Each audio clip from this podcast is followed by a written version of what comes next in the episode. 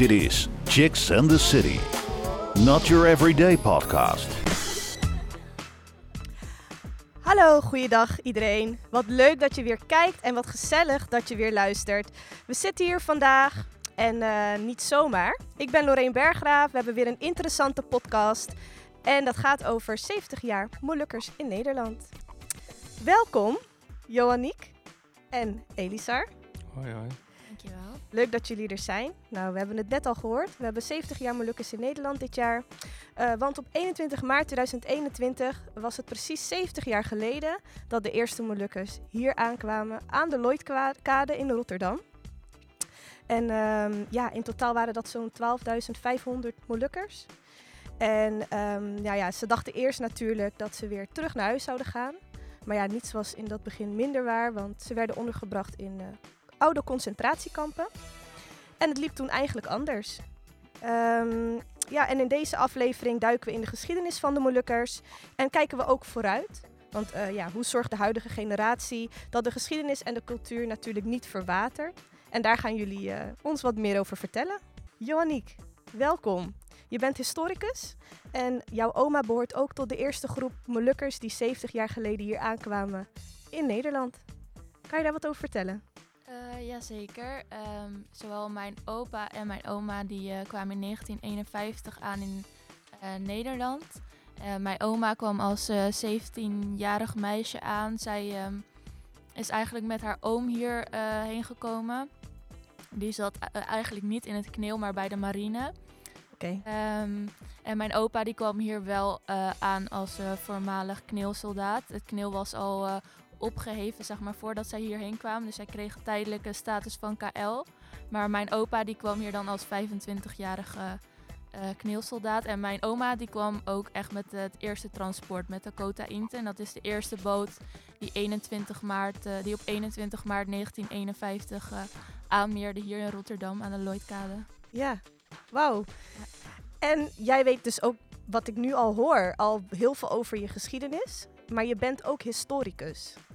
Dus dat is natuurlijk ook wel, dat gaat samen hand in hand. Ja, klopt. Dat, uh, dat is geen toeval uh, nee. geweest. Uh, ja, ik heb me eigenlijk altijd al wel geboeid. ja, het heeft me altijd al wel geboeid, de Molukse geschiedenis. En de geschiedenis van waarom Molu er zo'n best wel grote Molukse gemeenschap hier in Nederland is. Want we zijn nu, ondertussen zijn we al met zo'n 70.000 Molukkers hier in Nederland. En dat wist ik eigenlijk ook niet, want een gedeelte van mij, ik heb ook uh, Molukse roots. En ik heb me er nooit echt veel mee bezig gehouden. Maar ook omdat het dan lijkt alsof de community best klein is. En dat het dan lijkt alsof er niet echt veel over gesproken wordt. Dus ja, ik, ik uh, vind het wel grappig dat je dat zegt, want dat wist ik ook niet. Ja, ik, ik denk dat dat er ook mee heeft te maken met dat uh, onze gedeelde geschiedenis, de, tussen Nederland en Maluku, dat die eigenlijk heel weinig onder de aandacht komt, ook in het onderwijs bijvoorbeeld. En dat daardoor mensen eigenlijk, of heel veel Nederlanders, geen weet hebben van dat die Molukse gemeenschap eigenlijk zo groot is en wat die gedeelde geschiedenis dan precies is en ook hoe ver die teruggaat in de tijd. Ja, um, wat het daarmee ja. te maken heeft. Ja. Leuk, we gaan daar straks nog meer over praten. Maar we hebben hier ook een andere gast zitten. Elisar, oh ja. welkom. yes, uh, jij bent fotograaf en uh, je laat je achtergrond terugkomen ook in je werk en in de onderwerpen van je foto's, dus de thema's. Um, je post vaak over kolonialisme en uh, masculiniteit. Kan je daar wat over vertellen? Over waar je bij betrokken bent, landelijk Molukse monument bijvoorbeeld? Ja, klopt. Ik heb, ik heb eigenlijk um ja, ik ben ook derde generatie Molux. Dat is Johanniek. En mijn, uh, mijn familie zat ook op het eerste, eerste schip, ook op de Cote Inten, die ja. uh, aankwam in uh, Rotterdam. En ik merkte dat ik was vroeger als kind zijnde was ik nooit zoveel bezig met mijn Molukse roots. Of in ieder geval niet expliciet was ik daarmee bezig. Maar ik merkte dat toen ik op een gegeven moment in aanraking kwam met fotografie, dat eigenlijk fotografie meer een manier voor mij werd om in connectie te komen met de Molukse gemeenschap. En ook eigenlijk om mezelf af te vragen van wie ben ik nou eigenlijk? Ja. En wat betekent het wie ik ben en waarom zie ik eruit mm -hmm. uh, zoals ik ben? Uh, ja, en dan kom je toch wel snel bij inderdaad thema's als postkolonialisme en masculiniteit. En hoe wordt mijn mannelijkheid daarin gevormd? En waarom um, gedraag ik mij potentieel op bepaalde manieren? En hoe gedragen mede Molukse jongens ja. Uh, en zich als mij? Dan communiceer, versa. communiceer jij dat door middel van jouw fotografie. En merk je ook dat mensen daar dan op reageren? Ja, ik, ik merk dat sommige mensen zich herkennen in de portretten die ik maak. Ik fotografeer eigenlijk altijd adolescente jongens. Ik ben eigenlijk alleen maar geïnteresseerd in bruine of zwarte jongens. Tussen een leeftijd van 12 en 25 jaar. Dus ik zeg eigenlijk altijd dat ik eigenlijk onbewust mezelf fotografeer. Dus ik Ja. ben, of dat nou een Algerijnse jongen is op de straat in Marseille... of een, een, een vierde generatie jongen in een Molukse wijk. Uiteindelijk zijn het eigenlijk allemaal mannen die in een soort gelijke sociale constructen zitten. Die dan te maken weer heeft met, denk ik, trauma's die ook verbonden zijn aan onze geschiedenis die we allemaal delen. Ja. En hoe denk jij dat het komt dat de Molukse geschiedenis of de Molukse community in het algemeen zo onderbelicht is? Oh ja, dat is, dat is een goede vraag. Ehm, Wat ja, komt er bij je op als je dat hoort? Ik, ik, ik vind het heel jammer, omdat ik, ik denk als de meeste mensen dat nooit ook in geschiedenisles of maatschappijleer kreeg. Ehm, althans, het, ja, dan werd er een heel klein stukje van de VOC en de Gouden Eeuw Ja. eh, werd dan behandeld. En dat was dan vaak één of twee pagina's. Maar er werd eigenlijk gewoon heel snel doorheen gegaan vooral. En het werd ook heel romantisch dan eh, verteld.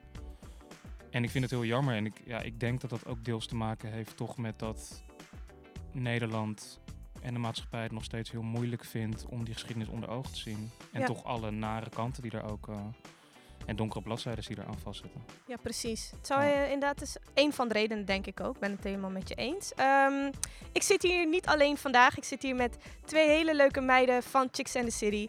Hallo, welkom dames. Dankjewel. Ik zit hier met Joanne en met Leslie. Yes. Joanne, vertel wat over jezelf. Ja, ik, eh, ik ben Joanne, ik ben ehm, 22 jaar en ik kom uit Rotterdam. En eh, ja, dat is het ook zo'n klein beetje over mij. Lekker beknopt.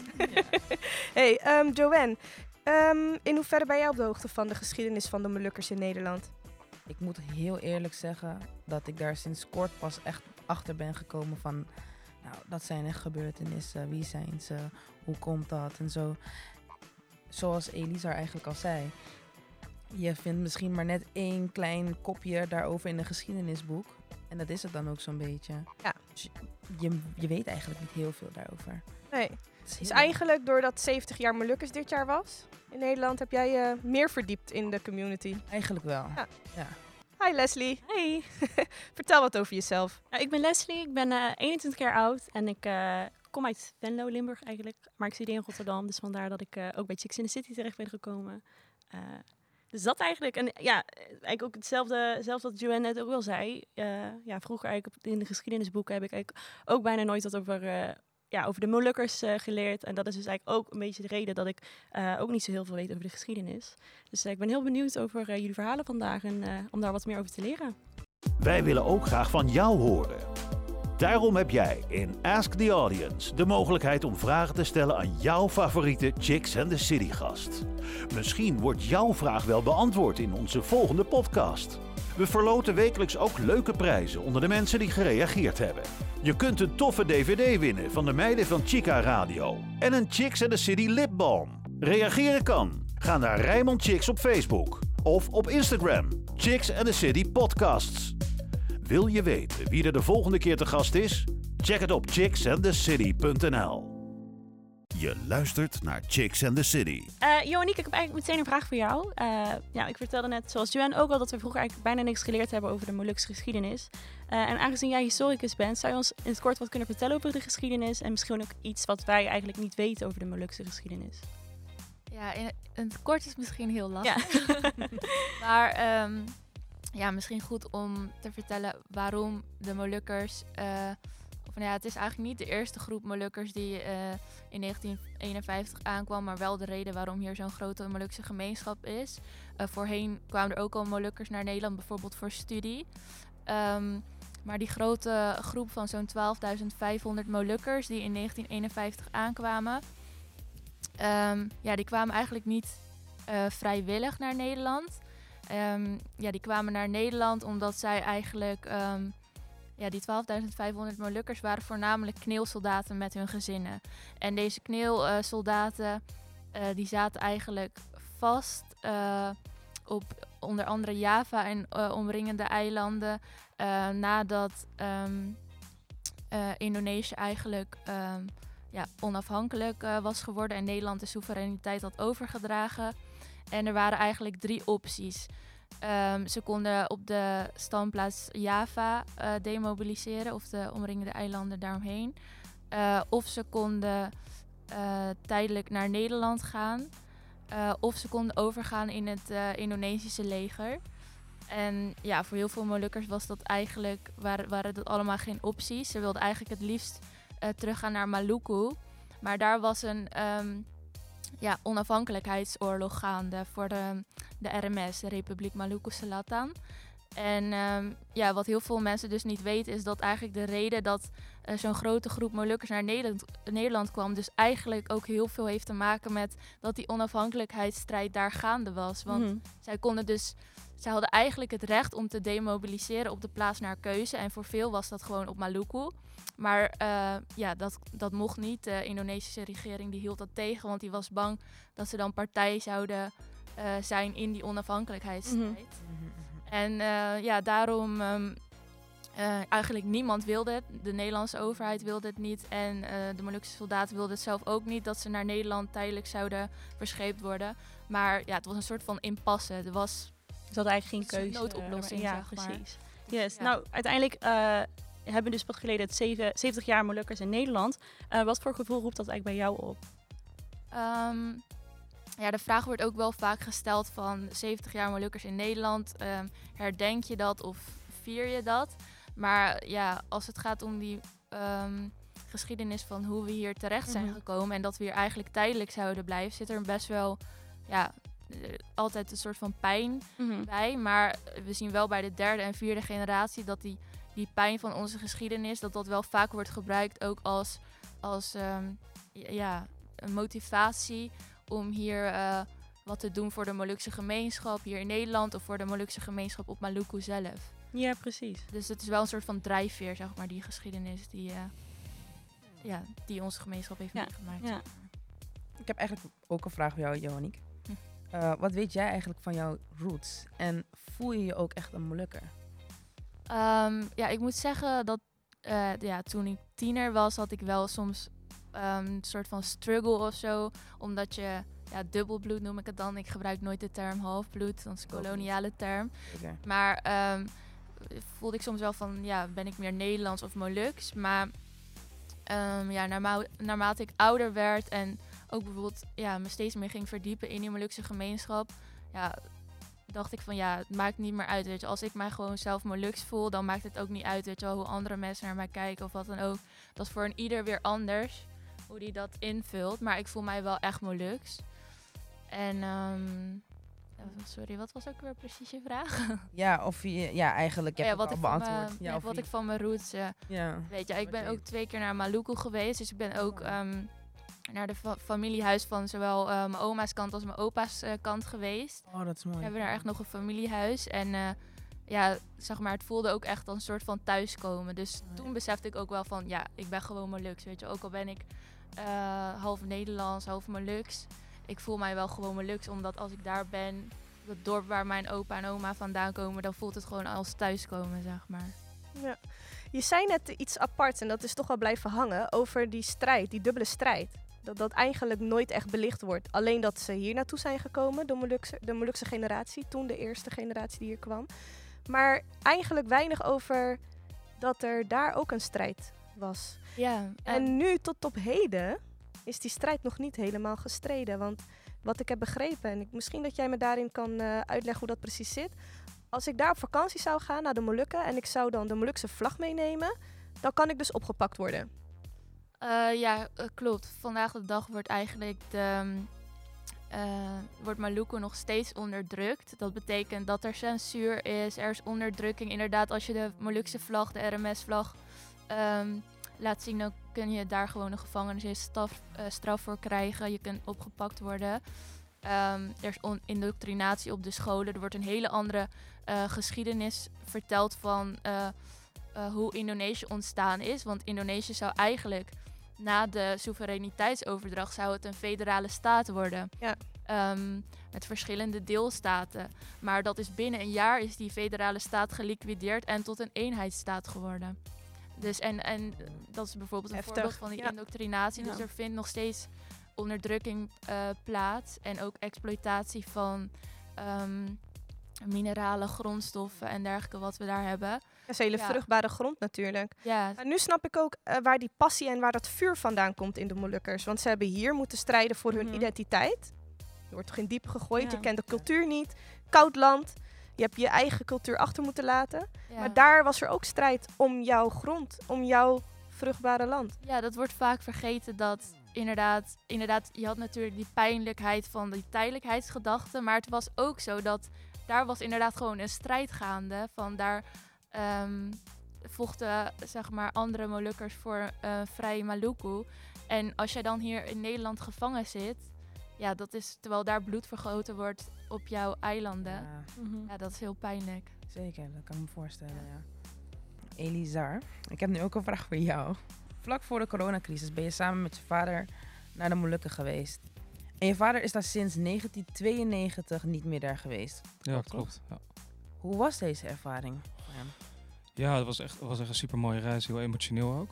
Vooral voor hem, omdat hij was daar in het laatst, voor, in, het laatst voor, in 1992. Toen is hij met mijn moeder daar getrouwd in, eh, in Ambon. En eh, ja, hij heeft eigenlijk sinds die tijd heeft hij, is hij niet meer terug geweest. En heeft hij ook, is hij altijd, dat zit ook heel erg in onze cultuur. Is een beetje Mhm. een binnenvetter ook wel. Heeft hij altijd, Mm, is hij daar wel stil over geweest. En eh, toen zijn we inderdaad eind 2019 zijn we teruggegaan. Vlak voordat corona begon. En toen ehm, ehm, zijn we ook samen teruggegaan naar de kampong. Waar het ouderlijk huis van onze opa en oma nog is. Dat is een Seriawan op Seram in de Middenmolukken. ja, ja. En dat was voor heel- hem heel, heel emotioneel. Want voor hem, voor hem voelt het nog wel echt als thuiskomen. Ook al is hij wel in Nederland geboren. In een, eh, in een barakkenkamp. Ja. Maar ehm, ja, cultureel was het wel heel emotioneel voor hem. ja. En ik voel het ook als zijn zoon zijnde heel mooi om op zo'n manier teruggebracht te worden toch naar mijn roots. Ja, dat kan ik me wel voorstellen. Maar je vader herkende ook echt nog plekken of... eh, Ja, zeker. Ja. Hij is spreekt ook de taal vloeiend en eh, oh, bizar, kent ook ja. veel mensen daar in de kampong. Dus het was wel echt een soort, ja, een soort thuiskomst wel. Ja. Ja, Ook al is het echt aan de andere kant van de wereld. Oké. Ja. Nou, duidelijk. Je. luistert naar Chicks and the City. Ja, en we zijn weer beland bij de tweede ronde. Yes. Leslie, brand los. Yes. Nou, eh, laatste vraag net bij jou geëindigd. Eh, nu weer een vraag voor jou. Ehm Molukkers hebben een zeer hechte gemeenschap. En eh, zelf ben je opgegroeid in de Molukse gemeenschap van Krimpen aan de IJssel. Ehm, erken je dat ook? En hoe komt dat, denk je, dat het zo'n ge- hechte gemeenschap is? Ja, ik denk, ik denk dat dat deels voortkomt uit inderdaad wat net Jo en Niek zei. Dat wij altijd een strijd hebben gehad, ook Mhm. nog binnen in Nederland, maar ook nog specifiek in Indonesië. Waardoor we een soort van altijd die hechtheid ook wel deels nodig hebben gehad. Ik denk dat dat ook een soort reactie misschien toch onbewust is geweest op, omdat je nergens eigenlijk toch erkend wordt. Mhm. Dat je wel die hechtheid moet, eigenlijk moet behouden om een soort gemeenschapsgevoel en ook een soort misschien toch nationaliteit te kunnen, ja, te kunnen manifesteren. Ja, Dus precies. denk- Ja, dus dat herken je ook echt terug uit jouw eigen gezin en familie. eh, en binnen de Molukse gemeenschap. Dat, dat, eh, dat jouw familie ook zo hecht is. Dat je dat weer terugziet in de gemeenschap ook. Ja, zeker. Ja, vooral, vooral bij mijn vader. Mijn vader is dan een beetje bekend als zeg maar de fotograaf Mhm. van de Molukse gemeenschap. Omdat hij altijd foto's maakte op pesta's. En eigenlijk, hij is eigenlijk op elk feestje is hij wel te vinden met Ja. zijn camera. Dus hij, hij is inderdaad wel in de tweede generatie is hij inderdaad wel echt enorm verbonden met die gemeenschap. En ik zelf ben dan wel buiten de wijk, Molukse wijk in Krimpen opgegroeid. Ja, oké. Maar als ik daar dan was, als kind zijnde, wat, wat werd ik wel inderdaad gelijk ombrengd met die liefde en Ja, ook eh, precies. die Het gemeenschap. warme gevoel. eh, Ja, Mooi. ja, zeker. Um, Joanniek, jij bent eh, historicus voor beroep. Eh, waarvoor, waarom heb jij eigenlijk hiervoor gekozen om eh, historicus te worden? Ehm, nou, ik moet heel eerlijk zeggen, ik doe niet, niet, niet zoveel met mijn historische achtergrond. Mhm. Ik ben gewoon afgestudeerd als historicus en in mijn vrije tijd hou ik me wel veel bezig met projecten die bijvoorbeeld gefocust zijn op Molukse geschiedenis en Ja. dergelijke. Ik doe nog gewoon een traineeship informatiemanagement. dat heeft niet echt veel te maken met mijn, met mijn studie, zeg Ja. maar. Maar ja, waarom ik eh, als historicus ben afgestudeerd of waarom ik graag eh, geschiedenis wilde studeren was omdat ik ja, gewoon me echt wilde verdiepen in eh, de geschiedenis van hoe Molukkers hier in Nederland terecht zijn gekomen en ehm, hoe ze hier zich als gemeenschap hebben gevestigd. Mhm. En ehm, dat vond ik ook super interessant om mensen daarover te interviewen binnen de Molukse gemeenschap zelf en hun perspectief zeg maar te belichten. Ja, ja. Dus wel echt eigenlijk eh, je eigen roots die dat een beetje, eh, ja, die interesse eigenlijk gewekt hebben. Ja, klopt. En het heeft ook wel te maken met dat ik daar vanuit huis uit ook wel echt mee ben opgevoed. Mhm. Mijn moeder die heeft me gewoon naar elk Molux event en ja. meegesleurd, zeg maar. ja. En ehm, ja, wij woonden ook eh, in de buurt van Utrecht. Daar was ook eh, heel lang een Molux museum, wat nu in eh, Den Haag zit. Oké, ja. En ja, daar werd ik ook vaak naartoe meegenomen. Mijn moeder die werkte daar ook een tijd. Dus het heeft ook te maken hoor, met mijn opvoeding, zeg maar, hoe die interesse zeg maar, is aangewakkerd. Ja, precies. Ja. Ja. Ik vraag me toch eigenlijk ook wat af, hè? Want ehm, je hebt het nu inderdaad over die warmte en liefde van ja, je familie, de community. Jij had het daar net ook over. Wat vinden jullie eigenlijk van Molukse wijken? Want ik kreeg altijd, als ik dat hoorde, het idee van... We hadden wel die warmte en liefde nodig van elkaar, maar we hebben ons ook afgezonderd. Heeft dat ook niet te maken met dat de, de andere culturen of de Nederlandse community dan niet echt weet wat er speelde bij ons? Ehm, nou ja, we hebben ons inderdaad afgezonderd, maar wij, zijn ook vanaf begins af aan zijn wij af, afgezonderd geraakt. Als in, wij zijn zeg maar ook institutioneel zijn wij al vanaf het moment dat wij zeg maar zijn aangekomen, zijn we ook letterlijk in dat soort kampen al geplaatst. Ja. Dus in, zeg maar, als je het in die context bekijkt, is het eigenlijk ook vrij logisch dat dat dan zo Door bleef gaan. En, Ja. en ik snap wel wat je bedoelt met dat, dat, dat je dat als een afzondering potentieel kan zien. Dat vond ik misschien ook toen ik jonger was, maar ik zie het nu meer als een vorm van empowerment Mhm. omdat we uiteindelijk een, een, een diaspora zijn die nog steeds niet bevrijd zijn. Dus ik zie die wijken zie ik echt als een soort cultureel erfgoed. Ja.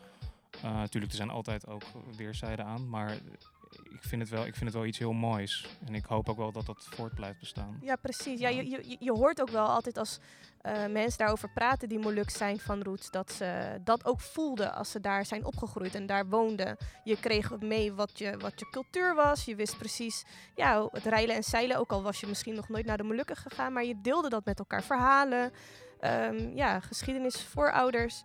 Dus, maar dat had jij dat gevoel, had jij ook? Ja, ik ben zelf ook niet in een Molukse wijk opgegroeid, maar um, ja, zoals uh, Elisa ook al zei, van Molukse wijken zijn wel, worden door veel Molukkers gewoon gezien als cultureel erfgoed. En um, de meeste Molukse wijken hebben een stichting waar men samenkomt, activiteit, culturele activiteiten met elkaar organiseert. Um, ja, de gemeenschap komt daar vaak bij elkaar, zeg maar. Dus uh, vandaar dat we er veel waarde aan hechten, maar ook het laat, zeg maar, het is bijna nog een van de weinige dingen waarvan je kan zien, oh ja, er is een Molukse gemeenschap in Nederland. En aan de hand van de wijken kan je ook de geschiedenis vertellen. Want inderdaad, jouw vraag was van um, uh, in de Molukse wijken, weet je wel, zo afgezonderd. Mhm. Mm -hmm. Maar inderdaad, in eerste instantie was de bedoeling dat wij niet zouden integreren. En werden wij uh, met opzet in kampen gezet. En daarna in aparte Molukse woonwijken om afgezonderd te blijven. Dus het was ook op een gegeven moment wilden Molukkers ook niet meer uh, zeg maar uit die wijken. Om gewoon uit principe van ja, wij zijn altijd die, die periode dat we hier in het begin waren, zijn we altijd gepusht zeg maar, om niet te integreren. Ja. Dus nu willen we ook bij elkaar blijven en um, die eenheid vormen. Die, die eenheid vormen, die saamhorigheid. Ja, ja precies. Ja. Mooi. Ja, eigenlijk wilde ik hier een beetje op doorgaan. Want ik vraag me eigenlijk af hoe dat dan Jullie mogen beide antwoorden hoor. Ik vraag me eigenlijk af hoe dat dan eigenlijk is gegaan met de eerste Molukkers die zeg maar in het land zijn gekomen. Hoe denken jullie dat dat, ja... Hoe dat voelde voor dat hun. Juist. Ja. Dankjewel. Um, ja, ik heb, ik heb zelf mijn eigen opa en oma nooit gekend. Dus ik kan het vanuit persoonlijke relatie durf ik dat niet te zeggen. Vanuit mijn eigen opa en oma. Maar ik durf wel te zeggen dat die zich heel erg bedrogen voelden. En dat er ook wel enorm veel woede en verdriet wel zat.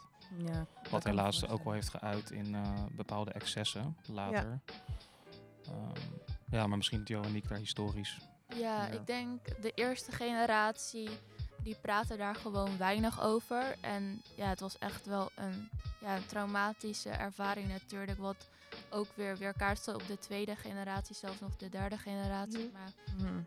um, bijvoorbeeld mijn oma, die woont nu in een, um, uh, zeg maar een zorgvleugel voor, alleen voor Molukse ouderen. Ja. En um, daar hebben ook veel oudere dementie. En daar zie je dat ze weer teruggaan zeg maar, in de tijd. Dus heel veel herinneringen komen weer naar boven van...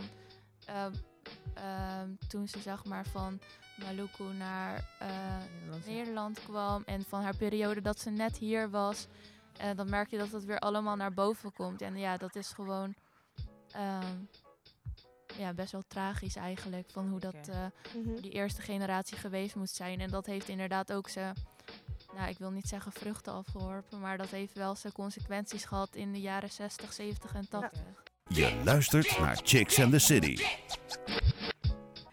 En we zijn beland bij de derde vraag alweer, Leslie. Yes, nou we hadden het net eh, eh, hiervoor ook al een stuk gehad over dat jij, eh, Elisa, eh, fotografie doet. Ehm, hoe is die passie voor fotografie eh, ontstaan bij jou? Eh, deels, deels door mijn vader. Mijn vader die is fotograaf. Of in ieder geval die is nu nog amateurfotograaf. En die had vroeger in de Molukse wijk in Krimpen had hij een eigen kleine fotostudiootje. Waarin hij dan eh, eh, voornamelijk fashion fotografie deed. En eh, ja, ik denk dat ik onbewust als kind hem gewoon heel vaak met een camera zag. En dat daar onbewust de passie uit voortkwam. En ik zelf kocht mijn eerste camera toen ik 16 was. Om, eh, om mezelf eigenlijk gewoon te fotograferen terwijl ik aan het skateboarden was. En vooral om vrienden te fotograferen. En eigenlijk zo begon die passie een beetje. Yes, nou eh, we hadden het dus eigenlijk ook al eh, een beetje gehad over de onderwerpen die jij, waar jij je vooral mee bezighoudt. En dat zijn dus koloni- kolonialisme en masculiniteit. Waarom zijn deze, juist deze twee onderwerpen zo belangrijk voor jou? En komen die heel vaak terug in jouw werk? Eh, ja, omdat, omdat ik er zelf een product van ben. Dus Mhm. ik, ik, heb, ik heb mijn Molukse roots en, ehm, en ik ben man. En daardoor heb ik toch wel gewoon identiteitswijs heb ik mezelf bepaalde dingen aangeleerd. En eh, ben ik ook geïnteresseerd in bepaalde dingen. En ik, en ik merk, merkte op een gegeven moment gewoon toen ik daar meer op ging reflecteren... dat ik visueel heel erg werd aangetrokken tot een bepaald soort type man en een bepaald soort type jongen. Mhm. En dat zijn eigenlijk al, allemaal mannen en jongens die ook met soortgelijke eh, geschiedenis en upbringings leven. Nee, dus eigenlijk ook, als jij ook al zei eh, voorheen, eigenlijk ook mannen van kleur, dus meestal eh, die je fotografeert. Ja, en ook wel die, die, die, die bepaald soort kledingstijlen hebben Mhm. en eh bepaald soort body language ook Ja. wel. Dus ik, ga, ik, ik vind bijvoorbeeld in New York, als ik in New York op straat loop of in Marseille of zo, dan zie je daar bepaalde groepen jongens. Ja, en daar voel ik me dan visueel heel erg tot aangetrokken. Wat ook heel erg voortkomt uit hip-hopcultuur Mhm. en uit een bepaalde, ja, gewoon eigenlijk dingen die vooral zijn aangeleerd. Ook Ja, erg. precies. Ik vind het heel interessant om te fotograferen en om dat met mijn camera eigenlijk te inspecteren ook. Ja. zo. Ja, leuk, dankjewel. Ja, ehm, dan heb ik weer een vraag voor je, Elisa. Als jij bij de komst van de eerste Moluk in Nederland aanwezig was geweest, welk historisch moment zou jij vastleggen als jonge fotograaf? Leuke vraag, Joanne. Ja, echt een goede vraag, ja. Uh, ja, ik zou, ik, ik, ik, zou vooral, ik zou vooral dan het leven in, in de barakkenkampen zou ik dan meer willen vastleggen. Dus niet, niet per se de aankomst, maar vooral eigenlijk het, verblijf in die barakkenkampen Ja. voor de, de jaren die daarna volgden. Dat zou ik dan fotografisch vooral heel interessant vinden. Omdat je daar, daarin dan ook veel meer gaat zien wat die migratie dan heeft betekend. In die beelden. In plaats van, ik denk dat als je die aankomst puur had vastgelegd, dat het meer een soort gewoon documentatie was geweest van een schip wat aankwam. En misschien ook nog, nog niet duidelijk genoeg bepaalde emotionele veronderstellingen. Dus ik zou dan documentaire-wise zou ik het veel interessanter vinden om echt in die kampen te fotograferen. Ja, precies. Oké. Nou, Joni- Johanniek, sorry. Ehm, wat in de Molukse geschiedenis raakt jou het meest? Mm. Ja, dat is heel moeilijk omdat er zoveel gebeurd is. Hm. Ehm, en het eigenlijk allemaal een opeenstapeling is geweest wat wij allemaal hebben mee... Of nou, wat ehm, onze voorouders en eh, grootouders allemaal hebben meegemaakt. Maar ja, ik denk dan toch wel die strijd voor een vrije Maluku die niet eh, gelukt is. Ja. En dat- we tot op heden nog steeds, eh, ja, onze mensen op Maluku nog steeds onder onderdrukking eh, leven. Dat is, dat is denk ik wel het meest eh, pijnlijke. ja, nee, begrijp ik echt. Je luistert naar Chicks and the City. Ja, wauw. Wat een informatie allemaal in geschiedenis. eh, het, het, eh, het raakt me wel Ja. ergens. Ja, en ik vind het ook heel mooi om te horen, omdat ik zelf dus, wat ik ook al zei, ik niet zo heel veel weet. eh, om daar toch wel ja, eigenlijk de verhalen van over te horen. Ja, precies. Heel mooi. Nou, Leslie, jij bent nog niet uitgevraagd. Nee, zeker niet. Deze vraag hebben we net ook al een beetje aan Joaniek gesteld. Ehm, maar ja, nu eigenlijk dezezelfde vraag voor jou. Voel jij je verbonden met je Molukse roots en waarom?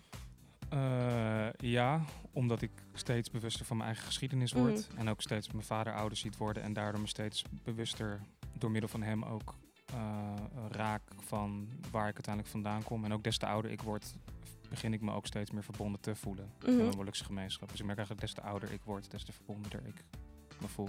Ja, en eigenlijk ook eh, hoe ouder je wordt, heb je dan ook meer zo van ik wil ook veel meer betrokken daarbij zijn of veel meer erover weten. Ja, en het, eh, dat en, en ook gewoon de gemeenschap zelfs verder helpen. Ja, ja. Ehm, dus ik zou heel graag met mm, wat ik te uiteindelijk te bieden heb als persoon in deze maatschappij, zou ik heel graag ook onze geschiedenis Mhm. en het erfgoed dat onze, onze geschiedenis tot nu toe heeft voortgebracht, zou ik heel graag naar een hoger niveau ook willen tillen. ja precies. En daarmee ook wil decoloniseren uiteindelijk. Dat Ja, heel mooi. doel. Ja. Ehm, nou ja, voor jou, Johanniek, eh hoe heeft jouw voorouderlijke geschiedenis bijgedragen tot de persoon eh, wie jij nu bent?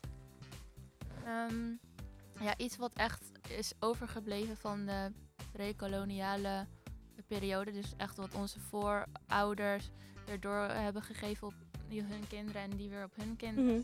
Zijn die eh verwantschapsstructuren en dorpsstructuren die binnen de Molukse gemeenschap nog heel hecht zijn. Ja. Dus ehm, bijvoorbeeld mijn moeder, als ze hoort van oh, ik ben met die en die omgegaan van een derde of vierde Molukker, eh, generatie Molukker, Ja. maar dan weet ze al heel snel bijvoorbeeld van welk dorp diegene ja, precies. Ja, ja. eh, en wij hebben bijvoorbeeld ook heel veel Molukkers eh, binnen de Molukse gemeenschap die hechten nog heel veel waarde aan bijvoorbeeld pellaschappen. Dus dat je niet een relatie mag aangaan met iemand vanuit een bepaald dorp, omdat, er- Mhm. omdat je daar een bepaalde band mee hebt. En dat komt ook al vanuit die voorouderlijke geschiedenis, zeg maar. Dus dat Ja. zijn dingen wat je dan, ja, wat je dan wel met je meedraagt. En Mhm. echt nog vanuit die pre-koloniale tijd voortkomt. Ja.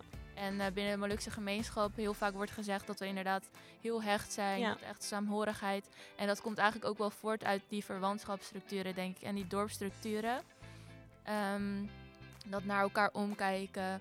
Eh, bij ons is eh alle rasa, beta rasa, wat jij voelt, voel ik ook. En lijn sayang lijn.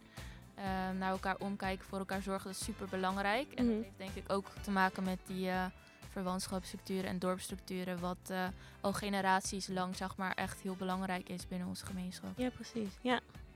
Oké, oké. Nou, Elisa, als fotograaf zet jij je in voor het landelijk Mo- Moluks monument Dus, en portretteer, zo, portretteer je verschillende Molukkers in Nederland. Waarom is het voor jou zo belangrijk om hieraan bij te dragen? Ehm, ja, eigenlijk inderdaad wat ik in mijn vorige antwoord ook deels zei. Dus Ja. om, omdat, omdat we gewoon, we willen gewoon als gemeenschap dat we niet vergeten worden. Ja, En uiteindelijk willen we gewoon dat ehm, wat onze voorouders hebben meegebracht hier naartoe en wat al onze navolgende generaties nog zullen meebrengen, dat we dat eigenlijk kunnen vereeuwigen. En dan uiteindelijk willen vereeuwigen in steen. Dus we zijn nu inderdaad voor het LM LMM, het Landelijk Moluks Monument, zijn we eh, een fotoserie. En daarnaast een videocampagne door Uriel Matelemual en René Huay zijn we aan het creëren. En daarmee proberen we, proberen we inderdaad aandacht te genereren en Mhm. voornamelijk donaties. Om uiteindelijk Ja, ja. dit landelijk Moluks monument op de Lloydkade te Rotterdam, waar de schepen zijn binnengekomen, kunnen realiseren. Dus doneer vooral Ja, op mooi, ja. Mooi, mooi. Ja. Ook met je helpt. ja, zeker, zeker. Nou, eigenlijk ben ik nu aangekomen op mijn laatste vraag voor jou. Ehm, ja. Veel jonge Molukkers ondersteunen elkaar met hun talenten. Welke tips zou jij ambitieuze jongeren willen meegeven? Wees jezelf en gebruik, je, ehm, gebruik de dingen die altijd zijn geframed als een minderwaardigheid. Gebruik die als een meerderwaardigheid. Heel mooi. Je bent in de minderheid in deze maatschappij, maar dat is uiteindelijk ook een meerderheid, weet je. Empower yourself en ga voor wat jij kan bieden wat de rest niet kan. Dus tackle the norm. Let's go. Ja, Heel mooi. mooi. En eigenlijk ook wel eh, waar Chicks and the City voor staat, hè? zeker, zeker. Dus eh, anders dan anders. En jij, Johanniek, wat zou jij nog eh, mee willen geven? Ja, ik sluit me aan. Ik kan bijna niet meer hem uit. Maar eh, ja, dat en wat ik ook altijd belangrijk vind, en dat is ook iets wat mijn opa bijvoorbeeld eh, ook altijd tegen mijn moeder heeft gezegd, mijn Molukse opa, van eh, vergeet je mensen op Maluku niet. Dus die Mhm. privileges die we hier hebben, deel dat als je dat kan met, met de mensen daar. Dus bijvoorbeeld, ik ben ook promotor van een taalproject waarbij we eh, Engelse spreekvaardigheid onder andere eh, geven via Zoom-lessen aan studenten op Maluku. Dus dat is bijvoorbeeld een manier waarop je kan zien dat deze generatie zo makkelijk, veel makkelijker de verbinding kan leggen met Maluku dan onze ouders en onze grootouders. En dat is wel echt heel erg mooi te- om te zien. Dat we zo ook eh, dingen voor elkaar kunnen betekenen. En het is ook echt een wisselwerking. Wij leren van hen en zij leren van ons. Dus dat is... eh, Dat is mooi. Heel mooi. Nou, beste kijkers en luisteraars, wat leuk dat jullie hebben meegekeken. Wij vonden het in ieder geval heel interessant om jullie te gast te hebben, dus daar wil ik jullie heel erg voor danken. en jullie bedankt voor de uitnodiging. Ja, dankjewel ook eh, de presentatiechicks Leslie en Joanne, meiden. Yes, jullie ook bedankt. Ik, heb heel veel, ik vond het heel interessant. Ik heb eh, zeker eh, ja, een stukje meer geleerd over eh, die story. Dus eh vond ik heel leuk om te horen, jullie verhalen. Ik ben er echt heel erg dankbaar voor, voor deze ervaring met jullie. Echt waar. Nou, heel veel dank naar Johanniek Vreeswijk en Elisar Veerman. Super bedankt voor jullie input en eh, jullie mooie verhalen over de rijkelijke geschiedenis van de Molukse cultuur. Ik wil ook de redactie meiden bedanken en de technicus Richard bedankt. en eh, ik zie jullie en hoor jullie graag de volgende keer weer terug. Chicks and the City. Volg ons op Instagram, Chicks and the City Podcasts. Like ons op facebook.com slash. De volgende show? Lees het op chicksandthecity.nl